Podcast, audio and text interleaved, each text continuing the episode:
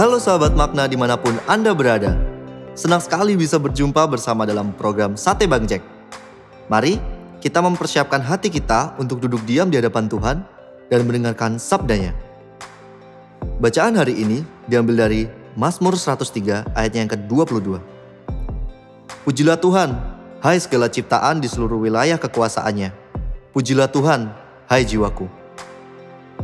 Kalau kita selalu memelihara sikap untuk bersyukur, maka kita menutup pintu untuk gerutu, keluhan, dan komplain yang mengiringi perjalanan hidup kita. Sebenarnya, sifat menggerutu dan mengeluh tadi sudah mengikuti kita sejak lahir. Tapi dengan pertolongan Tuhan, kita bisa menumbuhkan sifat bersyukur terus-menerus. Kalau kita terus melatih diri dan mawas diri untuk selalu bersyukur kepada Tuhan dan memuji Tuhan dalam hidup kita, maka tidak ada celah lagi bagi sikap untuk mengeluh, mencari kesalahan, dan menggerutu Alkitab mengatakan dalam Filipi 2 ayat yang ke-14, Lakukanlah segala sesuatu dengan tidak bersungut-sungut dan berbantah-bantah.